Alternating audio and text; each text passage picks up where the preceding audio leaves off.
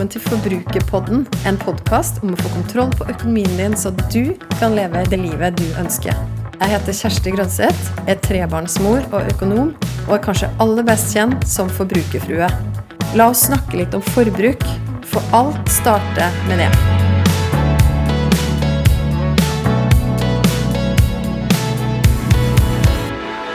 Da jeg starta å skrive på og gjøre research til denne episoden, hadde jeg ikke anelse om hva den kom til å handle om. Og så ble jeg syk en dag og lå i senga og hørte på podkast, og jeg blei så inspirert at jeg bestemte meg for å lage en episode som bare var rett fra hjertet mitt til deg. Om hva jeg står for, hva jeg brenner for, og hvorfor jeg formidler det jeg gjør. Denne uka her er det to år siden jeg starta Forbrukerfrue. Jeg har lyst til å ta deg med helt tilbake til starten, til mitt aller første blogginnlegg. Tittelen på det innlegget det er Første blogginnlegg Kjære 70 år gamle meg. Jeg er så glad for at du tok den sjansen. Sjansen på å følge den drømmen. På å ta steget godt ut av komfortsona, inn i strekksona, der inne helt på randen av skrekk. Jeg visste du aldri ville angre på de tingene du gjorde, at du satt der i det ene øyeblikket og bestemte deg for å kaste deg uti det. Takk for at du trosset frykten som prøvde å stoppe deg, og heller lot drømmen overdøve. Takk for at du turte å kaste deg ut fra den fjelltoppen, for du, du kunne jo faktisk fly. Nå nyter du fruktene av de valgene du tok den gangen. Først og fremst de vanene du etablerte i din egen families liv, men også de rådene du fikk gitt de andre på veien. Kjære forbrukerfrue, takk for at du aldri ga opp drømmen om å bety noe for de rundt deg, for at du har delt av dine erfaringer og din kunnskap om et tema som skaper stress og hodebry for mange. Takk for at du bestemte deg for å bety en forskjell for andre, selv om du var langt fra perfekt selv. Ja, det her innlegget som jeg skrev til lansering av bloggen min, det skrev jeg rett etter en samtale med hun som var coachen min på det tidspunktet, som hadde sett for seg et bilde av meg på nettopp en fjelltopp hvor jeg sto og lurte på om jeg skulle kaste meg utfor. Ikke for å ta mitt eget liv, men som et bilde på at jeg lurte på om jeg skulle våge. Og hun spurte meg hva er det verste som kan skje hvis du kaster deg utfor, og jeg svarte at ingen tar meg imot, og at jeg faller ned og dør. Men, men hva er det beste? At jeg finner ut at jeg kan fly. Det ble et overveldende øyeblikk for meg. Jeg gråt, og jeg skjønte at dette var sjansen min, så dagen etter kasta jeg meg uti det og starta bloggen. Nå, to år etterpå, ser jeg tilbake på alt som har skjedd, og jeg blir fylt med en enorm takknemlighet. Det er helt sant at jeg allerede nå nyter fruktene av det jeg begynte på for to år siden. For det første har vi etablert nye vaner i vår familie. Læringskurven min har vært veldig bratt. Ja, jeg er økonom, og ja, jeg har så lenge jeg kan huske vært opptatt av å ha kontroll på økonomien min. Men det var også så mange ting jeg ikke hadde peiling på fra jeg fikk ideen om å starte en blogg, som for øvrig egentlig ikke var min idé, men en venninne i barselgruppa sitt forslag, gikk det bare litt over en måned. I løpet av den tida leste jeg, gjorde research og snakka med folk, og jeg forsto at det var en hel verden av f.eks. sparing og investering som jeg kunne veldig lite om. Jeg skjønte annet at aksjemarkedet faktisk var noe som angikk meg, og at det f.eks. var lurt å flytte barnas sparepenger over i aksjefond. I løpet av den første tida som forbrukerfrue leste jeg mer og ble enda klokere, noe som førte til at jeg ringte banken og fikk renta opp fra 87. til tredjeplass, ifølge Finansportalens oversikt. Jeg sparte 15 000 på å flytte pensjonskapitalbevis til en forvalter med lavere gebyr. Jeg skjønte at det hadde betydning i hvilken rekkefølge jeg betalte ned gjeld, og at jeg sjøl hadde dyr gjeld i form av billån som jeg burde gjøre alt jeg kunne for å kvitte meg med. Jeg skjønte også at å kvitte meg helt med mastercard ville være en av de smarteste beslutningene jeg kunne ta. Jeg gikk ganske høyt ut, jeg ville jo inspirere folk til å ta gode valg i sin egen økonomi, og jeg lærte masse på veien sjøl. Som jeg skrev til meg sjøl i det første innlegget. Kjære forbrukerfrue, takk for at du aldri ga opp drømmen om å bety noe for de rundt deg. For at du har delt av dine erfaringer og din kunnskap om et tema som skaper stress og hodebry for mange. Takk for at du bestemte deg for å bety en forskjell for andre, sjøl om du var langt fra perfekt sjøl. Jeg kan lese det her om igjen og om igjen og tenke hver gang at det her var egentlig veldig klokt skrevet. Det her er skrevet av en person som skulle starte på en reise, som trossa sin egen usikkerhet, som fant kreativitet i den gode sårbarheten, som turte å kaste seg uti det og gi av seg sjøl. Men så kom stormene. Jeg visste at jeg ikke var perfekt, men av en eller annen grunn glemte jeg akkurat det litt, da jeg i min iver etter å vokse i sosiale medier, bli anerkjent, bli likt, begynte å jage, strebe, og jeg trodde at jeg måtte være bedre enn det jeg var. Brené Brown er en amerikansk professor, foreleser, forfatter, podkastvert, som har forska masse på skam og sårbarhet. Og de av bøkene hennes som jeg har lest, har vært livsforvandlende for meg. Hun snakker om hvorfor vi er redd for sårbarhet. Fordi vi har de her mørke følelsene inni oss. Usikkerhet, frykt, redd for å bli avslørt. Vi er redde for å vise oss sjøl som svake og sårbare. Og så prøver vi heller å lappe over vår egen usikkerhet, blant annet med å prøve å være perfekt. Det er så rart, for da jeg starta med Forbrukerfrue, hadde jeg ingen plan eller ønske om å pynte på sannheten, men så merka jeg at jeg hadde det her ønsket om å framstå som en ekspert, jeg ville at folk skulle anerkjenne og lytte til meg, og så sto jeg plutselig på et L Invest-event i november 2018, ble intervjua med spørsmål om jeg hadde kommet i gang med sparing, og jeg svarte sparing, investering, you name it. Vel vitende om at jeg hadde kjøpt mitt første aksjefond bare en knapp måned tilbake. Ops, ops, når noen sier you name it, da er det ikke sikkert de har så veldig mange flere punkter å nevne sjøl. Det var jo ikke sånn at noen tok skade av det her strevet mitt, nei, ikke andre enn meg sjøl. Og jeg er en ekspert på å klandre meg sjøl. Våren 2018, altså før Forbrukerfrue, tok vi en beslutning om å binde renta på 60 av lånet vårt. Vi har et ganske høyt boliglån, og i 2014, da vi flytta inn i huset vårt og hadde solgt leiligheten for mye mindre enn vi hadde forventa å få, måtte vi ta opp så høyt boliglån at vi fikk brev fra banken hvor de fraråda oss å ta opp det lånet. Spol fram til våren 2018, da alle forventa at renta skulle stige de neste åra fordi det gikk bra i norsk økonomi. Da turte ikke jeg noe annet enn å binde renta, Først og fremst for å være sikra å kunne få avdragsfrihet hvis renta skulle øke mye, samtidig som boligmarkedet skulle krasje, og vi ville ha langt over 60% av boligverdien i gjeld.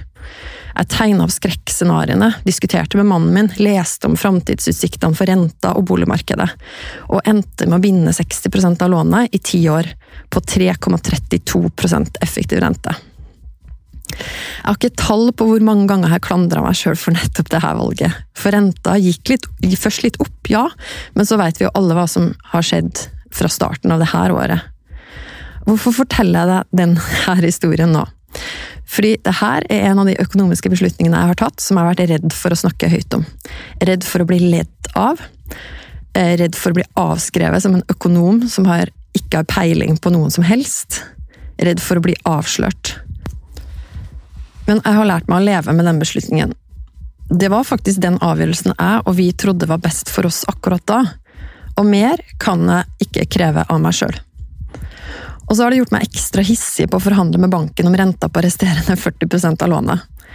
Sånn som så mange av dere har blitt inspirert til å gjøre. Sjekke Finansportalen for beste alternativ, og utfordre din egen bank. Eneste forskjellen for meg er at det vil koste meg altfor mye å kjøpe meg ut av fastrenteavtalen for å bytte bank. Derfor anbefaler jeg deg å binde renta kun dersom du ønsker å investere i en forsikring og en forutsigbarhet. Økonomisk lønnsomt har det vel sjelden eller aldri vært. Sjøl nå, med så lave fastrenter, står du så mye friere dersom du velger å holde på flytende rente, fordi du hele tida kan gå etter den banken som gir deg lavest rente. Behold den fleksibiliteten hvis du kan. Jeg har lyst til å fortelle deg om en annen storm på reisa som forbrukerfrue. Tilbake til den L-eventen i november 2018. Der traff jeg for første gang Lise, som drev bloggen Pengesnakk, som var gjeldfri og som hadde blogga om privatøkonomi siden 2015. Hun hadde en helt gjennomsnittlig inntekt, men klarte å spare 20 000 i måneden, mye fordi hun hadde betalt ned all gjeld. Jeg var superimponert og blei veldig inspirert av Lise. Og vi var vel strengt tatt noen av de første kvinnene som hadde laga kontoer om privatøkonomi på Instagram. Det som jo i dag har blitt en megatrend, hvor det popper opp nye kontoer omtrent daglig. Lise og jeg hadde to veldig ulike utgangspunkt og ulike profiler, men etter hvert begynte folk å sammenligne oss. Og så begynte avisen å slå opp store overskrifter om Lise og hvordan hun klarte å spare så mye. Hun vokste raskt fra meg i antall følgere på Instagram, men det føltes likevel som at alle ville sammenligne oss to. Og jeg visste at jeg ikke hadde i nærheten av samme historie, og jeg skrøt av hun i de sammenhengene jeg fikk direkte spørsmål om hva jeg tenkte om hennes sparing og sparsommelige livsstil. Inni meg kjente jeg likevel at jeg hadde lyst på de samme overskriftene. Så da Din Side spurte etter folk med historier om gode grep innenfor personlig økonomi, sendte jeg inn historien om vår familie og hvor mye vi hadde satt av til matbudsjettet vårt. Og det ble til saken Familie på fem bruker 5000 i måneden på mat, som ble plukka opp og havna på forsiden av dagbladet.no etter hvert som to ulike saker i VG. Den ene av de sakene i VG var sammen med Lise. Lise sparer 350 000 i året, og Kjersti bruker 5000 i måneden på mat. Da jeg sendte inn saken, tenkte ikke jeg at det var så ekstremt å ha et sånt matbudsjett. Men med så mange kommentarer som kom i ettertid, mange kritiske, ble jeg fryktelig usikker på om jeg hadde gjort det rette med å eksponere meg og oss på den måten. Men så fortsatte jeg likevel å jakte overskrifter. Og da vi dro til USA med familien i april i fjor, brukte vi ingen penger på veien dit, for vi hadde pakka med oss alt vi trengte av mat, og hadde med vannflasker vi fylte på underveis. Og jeg skrev om det på bloggen. Din side ble interessert i blogginnlegget mitt, og det ble en ny sensasjonell overskrift med 'Familie brukte null kroner på vei til USA'. NRK Satiriks plukka opp saken, og så sammenhengen mellom det her stuntet og saken om matbudsjettet. Dette må være den kjipeste familien å komme på, komme på besøk til, og barna går sikkert og leter etter mat i søppelkassene, var noen av tingene de kommenterte og snakka om i den episoden. Det var ikke min beste dag den dagen jeg hørte på den. Når jeg snakker om det her nå, så forstår jeg ikke hvordan jeg kunne fortsette enda en gang og prøve å få oppmerksomhet i media, men det her var faktisk ikke toppen. I fjor høst bestemte mannen min og jeg oss for å ta noen store grep i vår egen økonomi, og vi fant på et nytt ord – geriljasparing. Det handler om å gjøre alt du kan i en begrensa periode for å spare opp penger til å nå et helt konkret økonomisk mål. For vår del å betale ned et billån på 226 000 kroner. Det klarte vi, fordi vi sparte alt vi kunne av ekstra inntekt, penger igjen på skatten, feriepenger, vi solgte ting vi ikke trengte, og vi kutta forbruket med 9000 ekstra den siste måneden. For oss var det en maktdemonstrasjon, ikke minst av hva vi kunne få til når vi satte oss et mål sammen, og vi var skikkelig stolte av oss sjøl for å ha klart det. Og Det fikk oss i neste omgang til å spørre oss om den bilen som vi nå kunne kjøre rundt helt uten billån på, egentlig var verdt like mye for oss som den var på papiret. Lang historie kort, vi bestemte oss for å selge den. Og med pengene fra salget kunne vi fylle opp en superbuffer på 150 000 kroner og sette ekstra penger inn i aksjefond til langsiktig sparing. Det var en fantastisk følelse. En følelse jeg unner alle. Å være fri fra dyr gjeld og ha en full buffer til å møte det uforutsette. Og da kunne tenke at hele sikre delen av kakestykket kan gå til å investere i aksjefond. For, for vår del til å kunne betale ned boliglånet raskere enn opprinnelig planlagt, og spare til pensjon.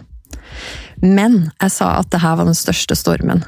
I all min iver etter å skape overskrifter, regna jeg sammen at summen av de grepa vi tok i fjor, blei til en halv million kroner, og at vi dermed hadde spart en halv million. Betalende gjeld er sparing, yes, absolutt. Spare buffer er sparing, åpenbart. Og det å putte penger i aksjefond er i aller høyeste grad sparing. Jeg slo på stortromma på nyttårsaften i fjor, publiserte min aller første episode av Forbrukerpodden, sammen med et blogginnlegg med tittelen Hvordan vi klarte å spare en halv million i år. Gjett hvem som plukka opp innlegget og ønska å skrive om det? Nettopp din side. Og sånn det fungerer i internettets verden, når en sak får mange nok klikk, blir den liggende øverst på sida. Lenge. Jeg var stolt, men samtidig skjønte jeg raskt at noe skurra. Du veit den følelsen, eller kanskje du ikke veit den følelsen, når naboen stopper mannen din i gata bare for å si at å selge bil er ikke sparing. Og en av de få kommentarene jeg plukka opp fra kommentarfeltet, fordi jeg vanligvis ikke leser eh, kommentarfeltet på de her sakene, her, var at dette var flau reklame for denne siviløkonomen. Du som nå kjenner meg enda litt bedre enn før etter denne episoden, kan gjette om det her har kosta meg mye nattesøvn. Ja, gjett om det har. Og det skulle faktisk ta ganske lang tid før jeg skjønte utfordringa med hele denne saken. Jeg hadde jo ikke tatt med alle delene av regnestykket. Jeg hadde jo ikke trukket fra det at vi faktisk solgte en bil som i seg sjøl reduserte nettoverdien vår, tilsvarende som nedbetaling av gjeld øker nettoverdien. Jeg hadde regna feil. Tilbake til usikkerheten og frykten. Store deler av dette året har denne saken plaga meg på en eller annen måte. Jeg har prøvd å forsvare og forklare hvordan jeg hadde tenkt og hvordan jeg hadde regna, og hvilke poeng vi ønska å få fram med saken så var det min egen tilkortkommenhet som felte meg, min egen regnefeil, min egen logiske brist. Og istedenfor å være flau og skamfull, så velger jeg nå å lene meg igjen på Brené Brown, som sier at den aller beste tingen å gjøre, midt i et angrep av skam, er totalt kontraintuitivt. Praktiser mot og nå ut. Så forklarer hun videre at mot, det starter med å møte opp og la deg sjøl bli sett. Du aner ikke hvor mange runder jeg har gått med meg sjøl og denne historien, og jeg tenkte egentlig å la den forbigå i stillhet og bare deale med den hos terapeuten min.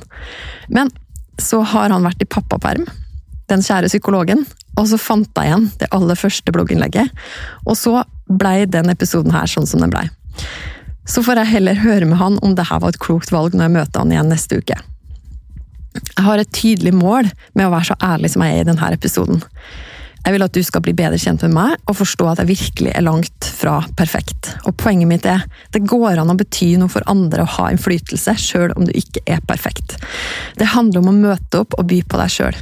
Dele av din lidenskap med verden. Si høyt at du ønsker å bety en forskjell, og ikke la skam og frykt holde deg nede. For hallo, det er jo nettopp det jeg har fått lov til å være med på de to årene her. Det jeg elsker aller mest, er å høre hvordan du har latt deg inspirere til å ta egne grep i din økonomi. Dere som har tatt grep som er langt mer enn det jeg sjøl har gjort, og mye mer enn jeg hadde drømt om å kunne påvirke. Jeg kjører full anti-jantelov i denne episoden, og her er noen av de meldingene jeg har fått fra dere som er tatt vare på til regnværsdagene. Jeg fikk en melding nå på søndag, hvor Vibeke skriver du formidler på en måte som gjør at jeg for første gang hører etter når det handler om økonomi. Hørte flere episoder i går til husvasken, mye bra og mye inspirerende. Takk.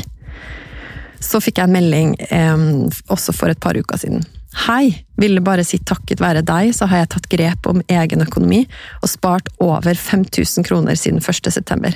Og det er jeg ganske stolt over, da jeg er alenemor og med en helt gjennomsnittlig inntekt. Takk for super inspirasjon.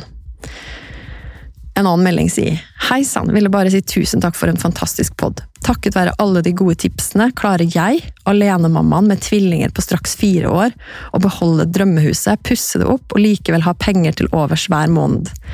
Med en helt vanlig midt på treet lønning. Så skriver jeg tilbake Å, så fantastisk å høre, blir helt rørt og veldig stolt av deg. Så får jeg igjen, pleier vel ikke å sende slike meldinger, men følte det var riktig å fortelle deg at du virkelig gjør en forskjell. Tusen takk igjen. Ha en magisk helg. Så har jeg også fått denne meldingen fra Camilla. Hei, Kjersti. Jeg har fulgt deg noen få måneder. Jeg har gjeldsproblemer under kontroll og har fått ordnet i dette og betaler ned. Det hadde ikke gått så bra hadde ikke din podkast dukket opp. For øvrig også den første jeg har hørt. Har hørt mye på deg og pengesnakk, og dere har snudd meg helt. Nå ser jeg etter muligheter til både buffer og kunne få betalt ned gjeld, men likevel ha det godt. Takk for den gode jobben du gjør. Jeg setter så stor pris på at sånne som du er der ute og gir folk så store håp, som er veldig oppnåelig. Og så skriver jeg tilbake. Åh, blir helt rørt Jeg. Denne skal jeg spare til en regnværsdag. Og tusen takk og hei og hei av deg som tar så gode valg. Så får jeg tilbake. Du fortjener å høre det, for det er helt sant. Ble mer og mer giret for hver episode. Jeg har solgt ekstremt mye som har vært godt, og har det bedre generelt også etter dette. Det ble min terapi. Store høydepunkter er de dagene jeg har fri og kan gå tur og høre på deg. Du er veldig viktig for dine, mer enn du tror. For meg har du vært min terapeut hvor jeg svarer at nå gråter jeg. Jeg vil avslutte denne episoden med å dele noen avisoverskrift. Og denne er fra en sak som ligger langt nede på søkelistene til Google, og som ikke nødvendigvis klikker like bra som de andre. Men den er fra fagtidsskriftet Magma fra nå 26. oktober og har overskriften 'Sosiale spareråd mot rekordstor gjeldsvekst'. Artikkelen handler om hvordan det å dele råd om sparing og økonomi har blitt en trend og en motvekt mot en ellers økende gjeld generelt i samfunnet vårt. Jeg heier på alle som velger å dele sin reise og om sine økonomiske grep, og tenker at det er en trend vi skal være stolte av å være med på.